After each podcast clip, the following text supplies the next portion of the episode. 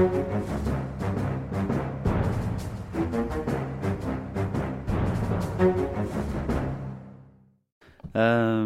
nei, men Da ønsker vi velkommen til en ny utgave av uh, Aftenpodden.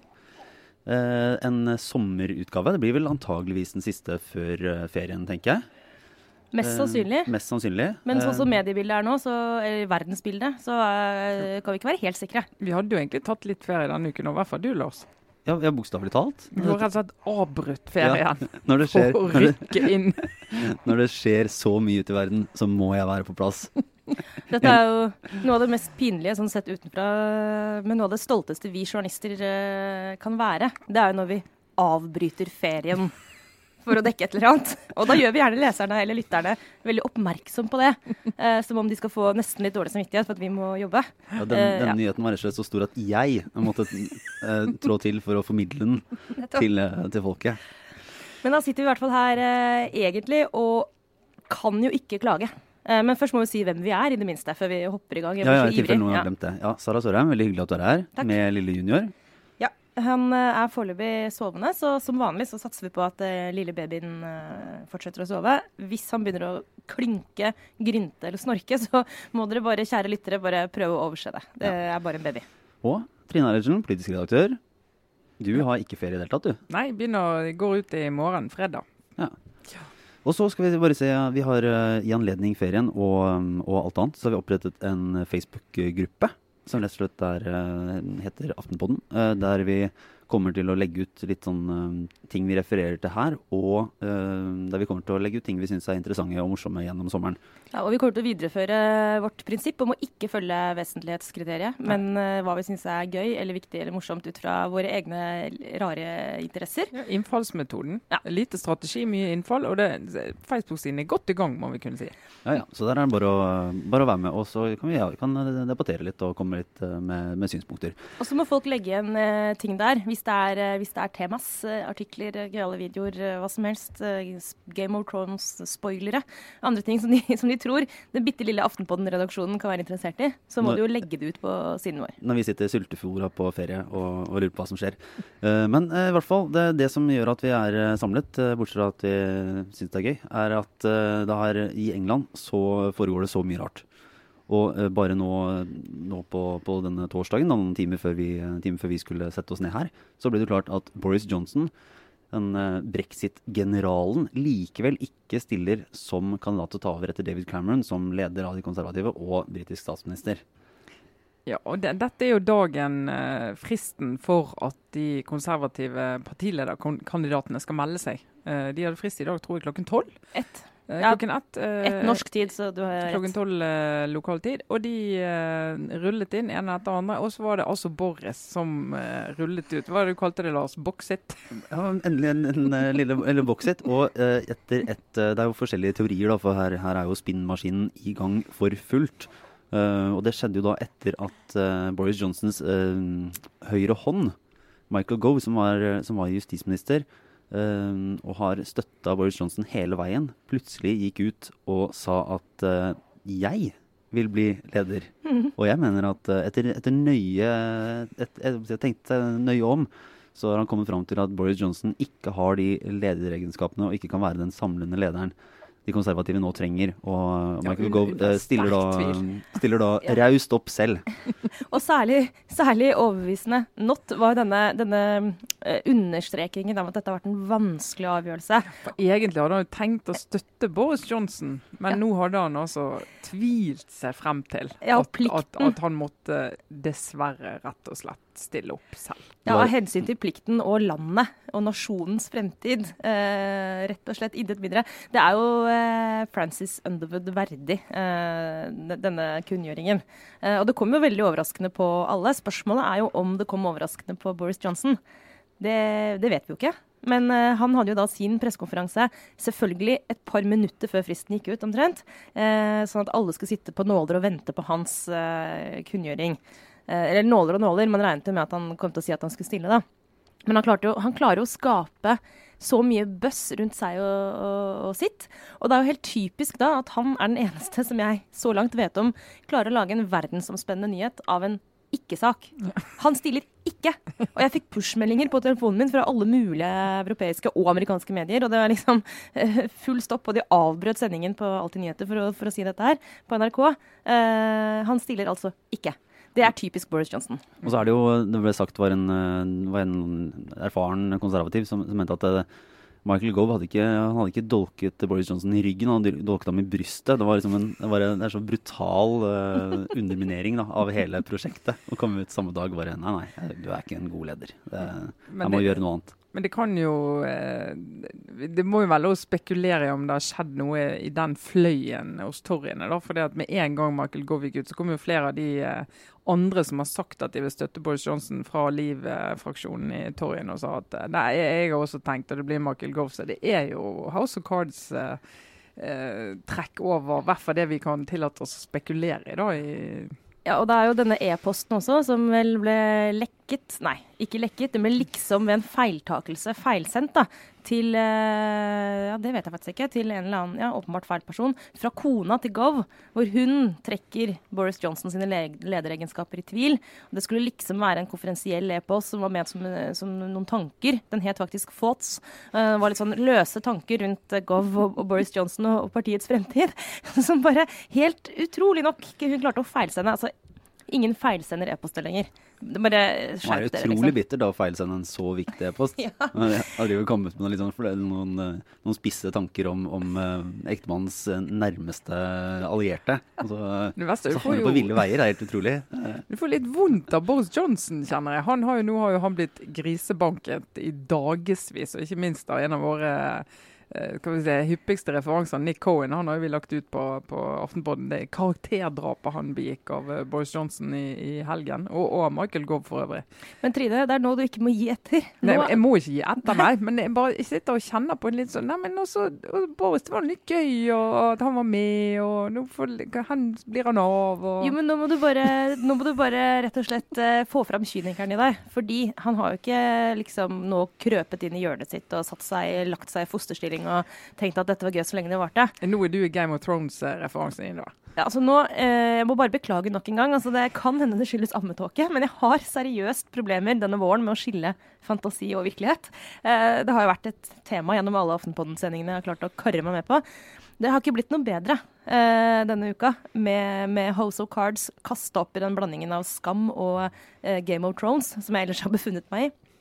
Eh, så, så, hvis man da tenker seg virkelighetens Francis Underwood, som jo må finnes et eller annet sted, nærmest vi kommer i hvert fall, er Boris Johnson.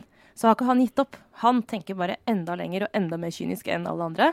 Og han vet at den neste Tory-lederen, uansett vi får en forferdelig jobb med å skulle faktisk få England ut av EU, og sikkert da gå på nederlag på nederlag, både hjemme og ute, så han bare lener seg tilbake nå, puster med magen, ler litt hånlig og venter på neste sjanse. Det er da han skal komme. Tror du ikke det? Dette er overgang. Den neste er en overgangsfigur.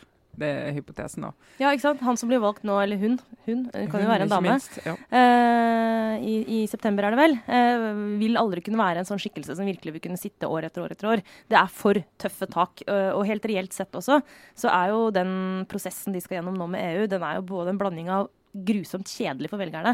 For det er utrolig mye forhandlinger og, og ting som tar lang tid.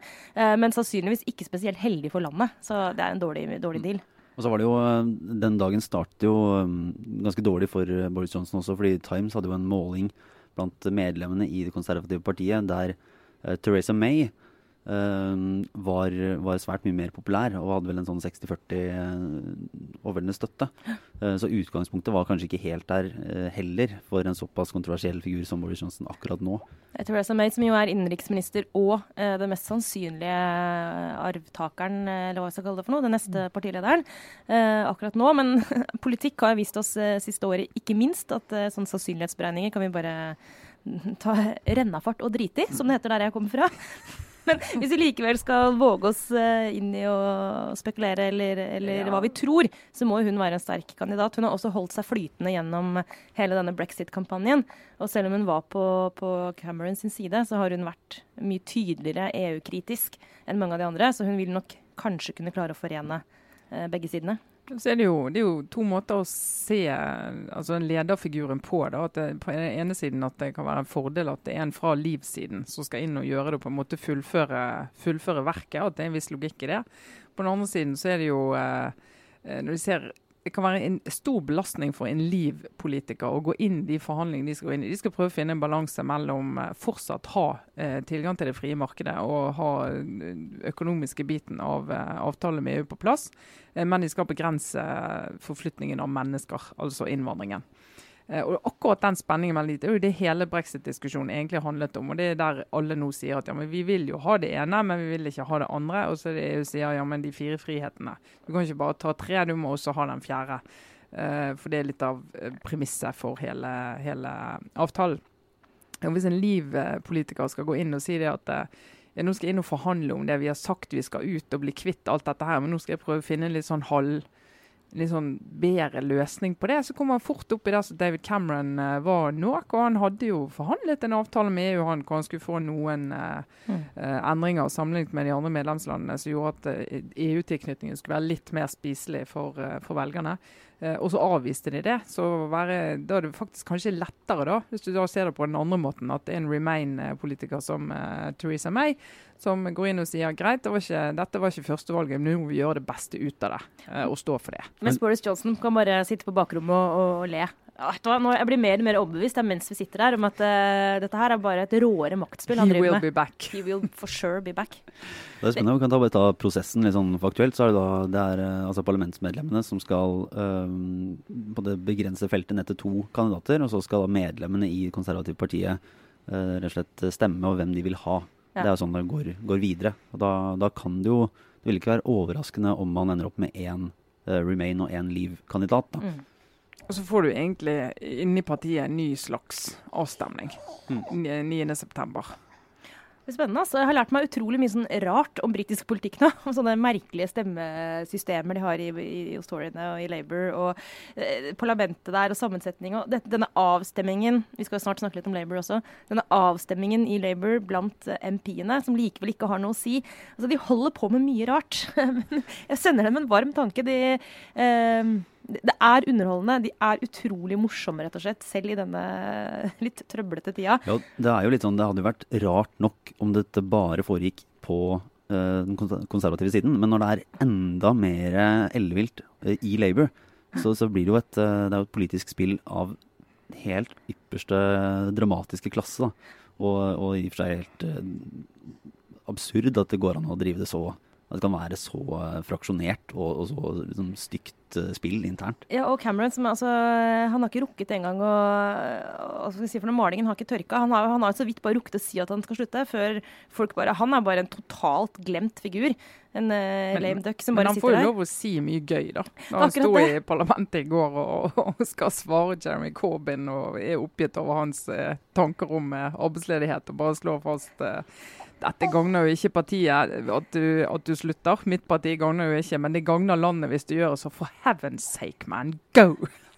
Det, var et utrolig øyeblikk i parlamentet der. Altså, liksom du ser at eh, Cameron han setter blikket inn i Corbyn og på andre siden der og bare sier sånn Skjerp deg, eh, skjerp deg, mann, liksom.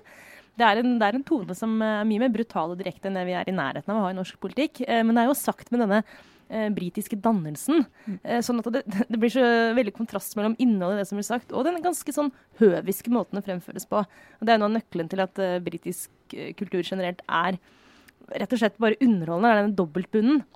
Nå skal vi ikke glemme at vi snakker om store og ekstremt viktige politiske avgjørelser her. Så på en måte er det litt, sånn, eh, litt vel overfladisk å hele tiden se dette her som en slags sånn kammerspill.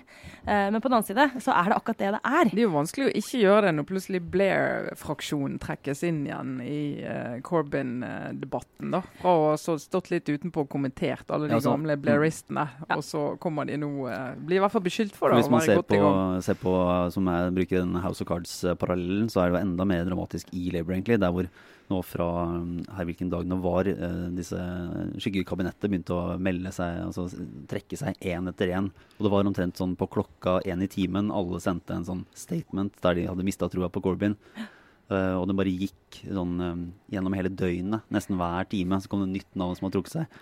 Og mest absurde, etter hva var det på dag tre, så var det noen som ble utnevnt som en erstatter på dag én, som så trakk seg. Ja, ja. Det er virkelig sånn seigpiningsprosjekt. eh, Helt tydelig orkestrert av noen. Men hva kunne vi sammenligne det med i Stortinget? da, Som om alle, altså alle fraksjonslederne og komitélederne Alle talspersonene. sendte ut en melding og sa at uh, vi stoler ikke lenger på partilederen. Denne partilederen kommer aldri til å vinne et valg. uh, og jeg har ikke det som skal til.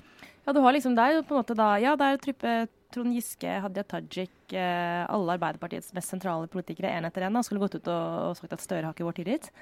Er nesten helt utenkelig. Det var fint, det var en, et brev nå um, her i dag, da, torsdag, som, som gikk ut. Uh, som var det en av disse representantene som, som ba Corbyn om å gå. og sa du, har liksom, du har forgiftet vårt parti. Ja. Og det her ordbruken er, det er så ekstremt hardt, da. Men så er jo spørsmålet også uh, hvor tøff negl han er. da. Han har jo fagforeningene i ryggen. Det er ikke lite. Det er jo en, fortsatt en ganske betydelig kraft i britisk politikk. Ja, Overveldende støtte fra medlemmene, de som var medlemmer da det valget ble gjort. Ja. Du kan jo komme i en situasjon der medlemmene nok en gang sier at det er Corbyn vi vil ha, eh, men hvor hele stortingsgruppen, om du skal ta en norsk parallell, sier at eh, men det vil ikke vi. Jeg leste, jeg leste en uh, sak i, i New Statesman uh, som, uh, som gikk opp gjennom løpet i, i Labour, og der, hadde det, der var det faktisk spekulert i om, eh, om det var en mulighet for at uh, si, parlamentsmedlemmene nærmest gikk ut og dannet sitt eget parti. Altså at de ikke ville godta beslutningen fra medlemmene, og heller si at nei, det er vi som faktisk er opposisjonen i parlamentet, og vår lederkandidat er Og så ville det da være en annen person enn Corbyn. og Det ville jo gjøre alt komplett.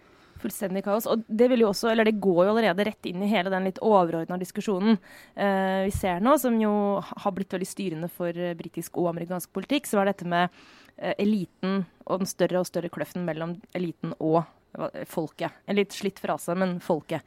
Eh, og i hvert fall hvis du leser det med, med venstresidebriller, så er jo eh, brexit et slags forsøk på, på å ta makta tilbake. Eh, det er derfor veldig mange på venstresida også har et veldig romantisk syn eh, og, og er glad for det som skjer nå. Det er sikkert litt nedlatende å kalle det et romantisk syn, men jeg syns det er litt sånn svermende, da, fordi eh, denne størrelsen folk er uansett ikke noe man kan samle og si at det er Det er ikke en sånn snill, stakkars sykepleier som har blitt overkjørt av eliten. Men uansett, dette er en stor diskusjon. men men denne, denne kilen da, eh, og denne forakten for de styrende, den ser du jo nå på veldig mange forskjellige områder. Labour, en slagmark hvor du nettopp har da eh, medlemmene og fagforeningene på den ene siden, og da eliten, da, eller de eh, sittende politikerne på den andre.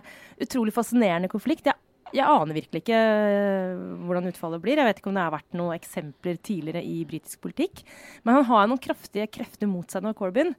Og det er jo også, selv om det bare er spekulasjoner, så er jo det jeg ser i saker som blir delt nå, og um, folk som, som åpenbart mener at, at det er noe der, som påstår at uh, det er et, et eh, si noe, en synkronisering av dette opprøret mot uh, Corbyn, og at det sitter noen og, og trekker i trådene. Og det vises til et PR-byrå, selvfølgelig, som var det eneste vi mangla i denne miksen, hvor bl.a. Uh, Tony Blairs gamle spinndoktor Alistair Campbell en utrolig gøyal figur, eh, jobber, og masse andre gamle Blair-folk. Og de påstås nå å ha en finger med i spillet i opprøret mot Corbyn, da. En fin liten venstresidekonspirasjon der mot, uh, mot uh, de, allmektige Blair-følgerne som uh, har klart å, å skakkjøre dette landet i, Ja, men det jo på alle måter, ifølge den grupperingen. da. Ja, men jeg kan, jeg kan jo legge ut den, Det er et nettsted som ikke jeg kjente til før, men som heter The Canary, som, eh, som er en, et venstreorientert eh, nyhetsnettsted. De skriver mye om dette nå. Jeg kan legge ut noen artikler på Aftenpodens Facebook-side, så kan dere dømme sjæl. Eh, men det er jo eh, det, De klarer ikke å påvise noe, men de klarer å vise noen sammenhenger her da, mellom da dette, denne britiske utgaven av First House eh, og opprøret mot Corbyn. Og det er i hvert fall sånn, eh, det er i fascinerende å tenke på at Alistair Campbell kanskje likevel er tilbake i britisk politikk. Da, jeg, jeg klarer ikke annet enn å glede Da meg. blir du glad. Men eh, skal vi, skal vi se litt eh, hjemover, da? Ja. Uh, ta, ta en liten tur innom Trines reformhjørne. Ja, unnskyld. Sommerens siste reformhjørne, lover. Var det en replikk? Ja, en replikk. Jeg innser at vi ikke kommer unna. Jeg har ikke tenkt å prøve å liksom, gjøre et opprør mot Trines reformvilje. Men jeg må bare nevne før vi går, forlater England, denne talen til Farage i, eh, i EU-parlamentet. Den må vi innom. Vi må bare si et par ord om Ja. det, må vi ikke det? Jo, jo, jo. Ja, for det var jo et eh, Vi kan jo legge ut den også. Det var også et øyeblikk av hva skal vi kalle det, Trine? Retoriske talegaver og, og eh, kan jeg si grusom politikk kombinert. Ja, og en ordbruk som er sjelden i, en, uh, i den type forsamling. Da, hvor han tar for seg alle som sitter i rommet og egentlig sier at hva var det han sa? Nå har jo ingen av dere noen gang hatt en ordentlig jobb eller skapt en arbeidsplass eller egentlig gjort noe av verdi noen gang.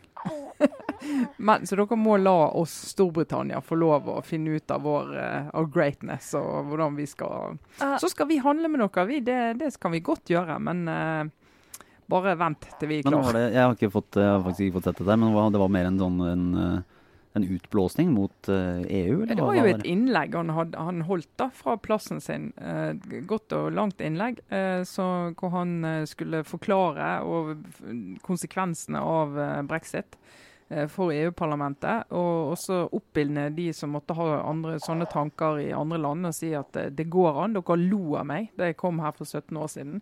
Eh, og jeg nevnte, eh, fortalte dette. Eh, dere vet like godt som meg at EU er en ubrukelig, overbyråkratisert kostnadsmaskin som ikke gjør noe godt for noen noe sted. Og nå er det på tide å si at det er over. Vi begynte, gjerne følge på. Følge UKIP inn i dette her, ja. ja. Og det, det, som jo jeg synes, altså det er faktisk første gangen jeg har hørt en ordentlig tale av UKIP-lederen.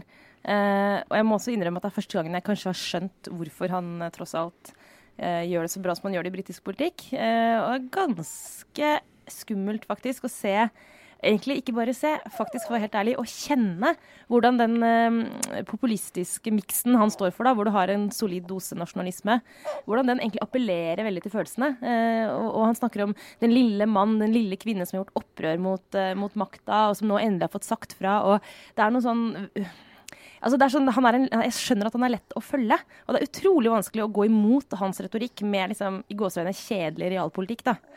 Så det der er litt sånn um, Jeg så Frank Aarebrot i denne uka her var ute og sa i et VG-intervju at uh, det er et strømninger i Europa nå som minte han om 30-tallet. Mm. Um, ja, jeg skjønner, jeg skjønner, hvorfor han sier det. det er, uh, og da går han over fra den derre politikk som nesten som underholdning, til den der litt fæle følelsen som, uh, som er sånn å men shit, tenk om, det, tenk om de vinner. Men, eh, men, jeg anbefaler alle å se den, den talen. Da. Det er faktisk et godt innblikk i, i han som politiker. En god politiker. illustrasjon på hvor eh, mange av velgerne er akkurat nå. Mm.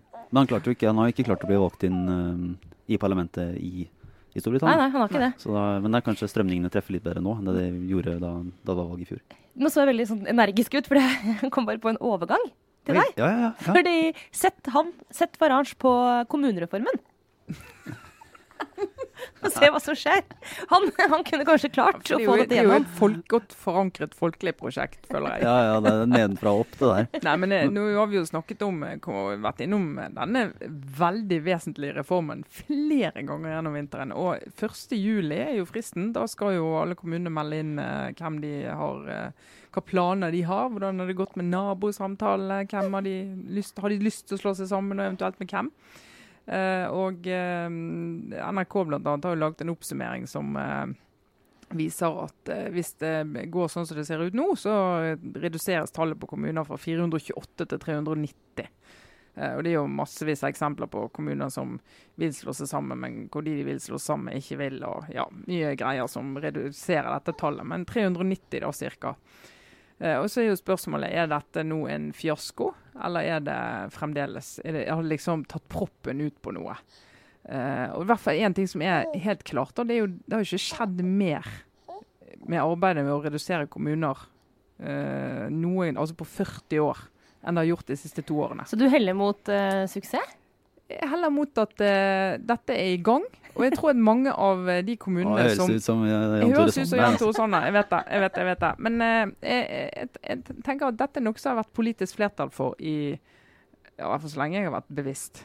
Men uh, 390 kommuner, det er jo ikke noe Det er, ikke, Nei, det er, er ikke, det er ikke en revolusjon, og det er ikke nok. Og det kommer til å bli erklært som en fiasko, det er jeg helt sikker på, av mange. Uh, og jeg så Klassekampen skrev at det var på tide å ta en pause. Måtte stoppe å ta en pause. Jeg vet ikke hva de skal vente på. Jeg er litt sånn ja, et eller annet. Men, men Klassekampen må være mot hele kommunereformen? Selvsagt. Of course. Selvsagt. Ikke, altså, ja, ja. ja, så ta en, pause, ta en pause for å bare avbryte hele greia, da? Ja, ikke noe- ja, det må det jo være. Ta en pause og så håpe at Senterpartiet kommer i regjering. For da er er jo ikke bare mye gjort, da er jo alt gjort. Ja. Da, Det- det- da er Lars- det over. Det det betyr, er det samme som når man tar en pause i forholdet. Det betyr Ja. at det er slutt. Det er bare en snill det måte å si det på. Men så Jonas Gahr Støre sier jo det at han har jo ikke tenkt dette er jo ikke en av de reformene han har lyst til å stoppe når han eh, blir, eh, hvis han blir statsminister. Eh, noe han selvfølgelig må hvis han skal regjere med Senterpartiet, regner jeg med. Men eh, det det er nok tanken hos en del, og jeg snakket med et par som sa det, eh, som ikke var i, i regjeringspartiene, og sa de at eh, nei, det blir jo ikke den store saken. Og vi kommer jo til å tyne de for alt det er verdt inn i valgkampen på at de ikke fikk det helt til, som jeg har sagt. Men for en eventuelt ny regjering så er det litt i gang, og så går det litt mer av seg sjøl herfra og ut. Eh, for i mange andre land, det er jo kun i Danmark og Norge, altså i nordiske land, du har disse her bang-reformene, hvor du liksom bare sier ja, nå skal vi endre kommunekartet, og så fra ene dagen til neste har du en ambisjon om at tallet skal bli veldig mye lavere. Men i alle andre land så skjer jo dette litt sånn gradvis. Og, men det skjer i hvert fall. Men i Norge skjer det jo ikke, hvis ikke du har politisk press på det. fordi at da er det sånn ja, eh, i alle kommuner på Si snittet, da. Kommuner med 2500 innbyggere. Det er en tredjedel av alle norske kommuner. Der er fødselstallet halvert. Mer enn halvert siden 1965. Og så det blir bare færre og færre mennesker der. Men svaret på det er jo ikke å slå seg sammen. Det er jo å si men dette må vi få kompensert for fra staten i form av eh, ekstra overføringer, sånn at vi får mulighet til å gi de samme tjenestene som de større kommunene gjør. Og Dette kan ikke fortsette i det uendelige. Og de som tror det er grenseløst naive. Så dette må vi bare få skrevet om, som vi da selvfølgelig gjør på lederplass i morgen. Eh, og vi kommer til å eh, skrive mye om det gjennom vinteren også. Lars, jeg, nå må jeg si en ting til deg. Du Ja. Har lagt merke til med Trine. Altså, det hender jo at Trine forbereder seg til Aftenposten-sendinger. Som den eneste Nei, du også gjør det litt, Lars. Men du pleier å skrive ned litt ting på blokka di når du skal huske navn og Ja, særlig navn. Ja, særlig navn. Men jeg la merke til at når det, når det gjelder sånne ekstremt detaljer om norsk kommunesammensetning, Da går det bare unna. trenger ikke noe huskelapp der, nei. Ja, Eh, og så har jeg, jeg, har en, jeg vet at jeg har en medentusiast for reformen. og Han jobber i Klassekampen, heter Jens eh, Kiel. Og, han eh, kan korrigere når det går for fort i svingene. Så jeg håper det, eh, Jens. Hvis det gikk for fort denne gangen, så vil jeg ha en eh, beskjed. Det har stor verdi. Men vi, jeg har jo også blitt litt sånn opptatt av dette her, da. Helt mot min, egentlig mot min vilje, faktisk. Så jeg hørte jeg jo faktisk på Lars Bonheim i dag, på, på radioen, som snakka om, om kommunereformen. Du, du har god tid, Sara. Det høres ut som mot din vilje. Det var veldig motvillig. Men så ble jeg litt fanget da, av, av hans måte å uttale seg på. Han er jo nå fylkesmann i Hordaland. Eh, og så tenkte jeg på, Forrige uke fikk vi litt kritikk av noen lyttere for å litt foraktfullt snakke om at de voksne tapte i eh, Storbritannia eh, da det ble brexit. Eh, jeg skjønner for så vidt den kritikken. Det er litt mm, arrogant å kalle de man ikke er enig med, for barn. så den, den tar jeg. Det er ikke hersketeknikk, det, Sara. Nei da. Det er ikke hersketeknikk når en kvinne sier det. men, eh, men jeg tenkte jo litt eh, da Sponheim snakka i dag. Han sa nemlig at nå har dere til kommunene da, nå har dere fått mulighet til å finne ut av dette her sjøl. Eh, nå må de voksne sette seg ned og eh, komme med et forslag. Det blir ikke like gøy for dere. Altså Han var i hvert fall nedlatende. Altså sånn, eh, Han snakket da om at neste skritt nå er at fylkesmennene skal sette seg ned og se på eh, de kommunene som ikke har slått seg sammen. Og da tenkte jeg bare dette her kan jo ikke gå bra. Altså Folk kommer til å protestere i Om de ikke var mot sammenslåing før de hører Solheim, så blir de det nå. Men for all del, Trine, det er mulig at vi snakker om et, eh, et langsomt landslide her, som til slutt gjør at vi når målet det er ikke sikkert det blir det. Men jeg har også snakket med Kilde i dag som snakket om uh, fylkesmennene som skal møtes uh, over sommeren og komme med, samle inn alt de har. Og de har hatt flere møter allerede hvor de har liksom hørt hvordan ligger det an. Eh, og der er jo tonen Nei, de små kommunene. Du vet, det går ikke, det. Vi kan ikke ha kommuner som ikke kan ha egne budsjetter, som står på Robek-listen og ikke kan styre seg sjøl, og som nekter å slå seg sammen med andre fordi de skal ha selvstyre. Men, men de, har, de klarer ikke. De er nødt til å ha hjelp fra staten og fylket og alle for å klare å løse de mest basale tjenester. de sier. Så fylkesmennene jevnt over er litt sånn Nå må vi bare få tatt det. sant? Det er litt sånn The return of the fylkesmann i norsk De politikk. kjenner, Eh, kjenner for første gang på lenge at de har en rolle å spille. De kjenner at de lever nå. Ja. Nå Ja, ja, ja. er vår tid til å skinne. Nå. Lars Bonheim har gått borte på Vestlandet, savna rampelyset Så vi skal ha en quiz eh, på første sending etter sommeren. der vi skal, skal du få sende inn Hvis du klarer å huske navnet på alle fylkesmennene, skal du få en T-skjorte som vi skal lage. Men uh, vi får gå videre inn i, eh, inn i sommeren. Uh, obligatorisk refleksjon. Vi uh, fortsetter vår lille spalte. Mm. Jeg vet ikke om Sara, om du, du begynner? Hva kommer du til å reflektere om inn, i- inn i inn i sommerukene og i det hele tatt? Så jeg kommer i hvert fall til å vente veldig i spenning på mange ting til høsten. da. Eh, sommeren er jo eh, Det er jo fint med sommer, men det er først og fremst en pause fra gøyale ting. Eh, alle er bare på hyttene sine og sitter i hver sin kjernefamilie, og det, det skal jeg gjøre også. Det blir fint. Men eh, det er jo til høsten alt det gøye skjer. Hagefester og valg i store partier verden over og land verden over. Men det jeg skal tenke og glede meg aller mest til, tror jeg faktisk er sesong tre av Skam. Yeah, endelig en mulighet til å snakke om Skam. Men i går kom nemlig eh, traileren for sesong tre. Og Grunnen til at jeg mener det er helt relevant for en podkast som dette å forholde seg til Skam, er jo bl.a. at det er en serie som eh, jeg tror faktisk helt seriøst former en del politiske holdninger hos uh, kidsa. På en måte som vi i hvert fall bare kan skyte en hvit pil etter. Uh, og temaet for neste sesong ser nå ut til å bli uh, homofili på et eller annet vis. I hvert fall så er én, kanskje hovedpersonen, i hvert fall en av hovedpersonene, Isak, som er en gutt som uh, man tror at kanskje kommer til å komme ut av skapet. Og i så fall så er jo det en, en uh, Kan jo være uh, en vanskelig sak. og jeg tenker bare Håper ikke Skam blir sånn veldig sånn politisk korrekt nå, men det, det, tror jeg ikke. Så jeg tenker bare for en fin ting, for et fint tema. Det skal sikkert bli bra ja, for, for, mange. Ja, for jeg merker det er litt sånn litt bekymring over um, altså Jeg fulgte jo etter hvert Skam tett, men jeg syns jo at den på den svakeste delen av det ble når det var veldig sånn politisk korrekt. da. Altså det er sånn ja. ja. dette er et samfunnsproblem, og her har vi løsningen, og skal måte, gi oppvoksende generasjoner gode holdninger og sånn. Den ja, jeg... det, er, det, er, veien mot avgrunnen, tenker jeg, hvis den, eh, hvis den går på de premissene gjennom høsten. En liksom opp, oppdragende effekt, liksom? Ja, det er et eller annet når, jeg, jeg, kan jo forstå de som var sånn dette, dette bør være pensum på, på videregående. Men det er vel ikke nødvendigvis sånn at uh, ungdomsunderholdning skal være noe som skal sørge for at de har de riktige holdningene? Nei, jeg, jeg er litt enig i det. Jeg, jeg ser liksom uh, litt sånn med gru frem til at det blir en slags sånn eh, En sånn lekse, liksom. Men, men, jeg har egentlig tillit til at regissør Julie Amdem klarer å, å, å, vri godt drama ut av dette her. For det er det vi vil ha. De har balansert det bra så langt, syns jeg. Selv om jeg ser bekymringen din. Men det er vel akkurat det som skiller Skam fra en del andre ungdomsserier. og hvert fall fra da vi vokste opp. Og herlighet, det var jo, det var jo bare, Moralen tøt liksom, ut av Snek inn fra vi var veldig små. Sånn, sånn, sånn burde du tenke. Og det, det, er litt mer nyansert enn det, syns jeg. Og du, Trine? Hva, du, hva går du inn i sommeren med? Jeg skal reflektere ganske lite. Da på ferie nå. Det skal jeg gjøre så lite som mulig. Men det jeg har lyst til å anbefale rett og slett gjennom sommeren, er for det første i morgen eh, fredag så flytter vi leder- og kommentarsiden i Aftenposten frem til side to og tre i del én. Eh, akkurat som en ordentlig anstendig avis skal ha. Vi åpner med det. Eh, og allerede mandag så går vi i gang med en serie på fem, der vi har bedt eh, Jeg har helt ut av mitt eget hode, egentlig. Med, wow, bare tenkte denne uken her. Nå har jeg lyst til å spørre noen politikere som jeg tror både kan tenke selv og skrive. Eh, til å gå inn i den litt flytende problemstillingen. Eh, ja, vi har brexit. Eh, nasjonalismen sveiper over Europa. Vi ser at det er en tillitskrise mellom politikere og velgere, i hvert fall i noen deler av Europa. Hvordan skal, men hvordan skal nettopp politikere svare på den tillitskrisen og på den problemet til politikken. Da. Da er det store spørsmålet, Fant du noen politikere som både kan tenke ja, skrive? Ja, jeg, jeg, spurte, jeg spurte Torbjørn Røe Isaksen, jeg spurte Jonas Gahr Støre. Jeg spurte, Hun har vært politiker, men er det ikke nå. Liv Monica Bargem Stubholt, tidligere Senterpartiets statssekretær. Jeg spurte Bård Vegar Solhjell, og jeg spurte Trine Skei Grande. Alle sa ja. Kommer gjennom sommeren hver mandag, altså.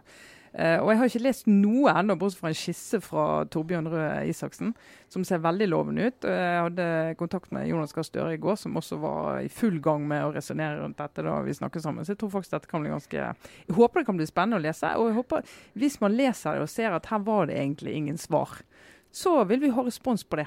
Og det tror jeg de også vil ha. Mm. Så jeg tror det kan bli litt kult. Mm. Ja, nei, jeg har jo egentlig gått litt sånn inn i feriemodus.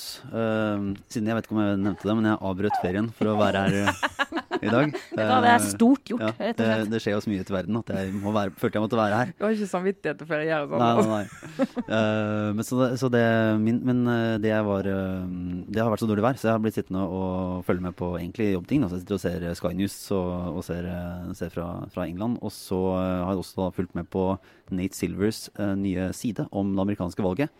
Uh, som rett og slett er hans uh, analyser av hvordan stat for stat vil kunne gå, og hvilke sjanser Trump og Clinton har. Og, og, og, Silver har jo vært den store autoriteten ved valgene i 2008 og, og 2012. Uh, da bomma han riktignok på Trump i Det republikanske partiet nå i høst, mm. men han mener da å være tilbake på et, et, riktigere spor nå, og har noen ganske innsiktsfulle um, altså Det er jo på en måte ikke så mye analyser som, som rett og slett sånn utregninger av hvordan situasjonen er.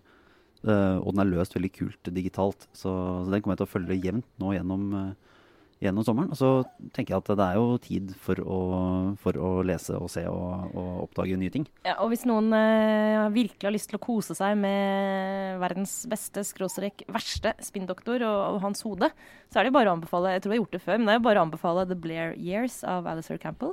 Mm. Eh, hvis man vil uh, fyre seg opp litt før høstens basketak i britisk politikk. Det er, en, det er, rett og slett dagboka hans fra tiden bak et, ja, si, et halvt skritt bak Tony Blair Eh, morsomt. Eh, man må lese fort eh, noen sider, vel å merke. Men, men, gøy hvis man vil kose seg med litt mm. sånn kynisk maktutøvelse. Og så skal jeg ta en innrømmelse at av de store sånne referanseverkene fra, fra sånne innsidefortellinger, så er denne det heter vel Game Change, som er ja. 2008-kampanjen til McCain og, og Sarah Palin kommer inn. Den har jeg faktisk ikke lest. Den kan du få av meg, Lars. Den anbefaler jeg også virkelig til, eh, til alle våre lyttere. Eh, 2012-valgkampen var ingenting i forhold. Eh, 2008, eller 2008, hvor du hadde Obama på den ene siden og crazy, crazy, crazy Sarah Palin eh, på den andre. Eh, det er, det, er, faktisk en page-turner, enda man vet utfallet. Den, eh, den, er god, rett og slett. Så, den, ja, så det, er på, det, er på, lista over det jeg skal, skal, ha med meg. Skal vi se, Var det noe annet vi måtte, måtte ta inn i, inn i sommeren?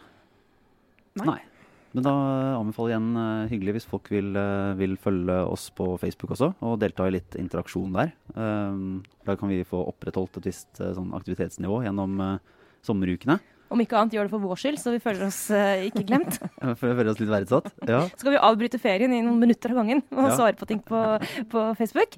og så høres vi igjen til høsten. Ja, absolutt. Ja, høsten, ja. Så det er jo sommer igjen når vi kommer. August. Ja, ja. ja det blir ikke så, blir ikke så lenge til. Ja. Men eh, Så da takker vi rett og slett eh, for oss for denne det lille sesongen. da. Mm. Og så ønsker vi alle en god sommer.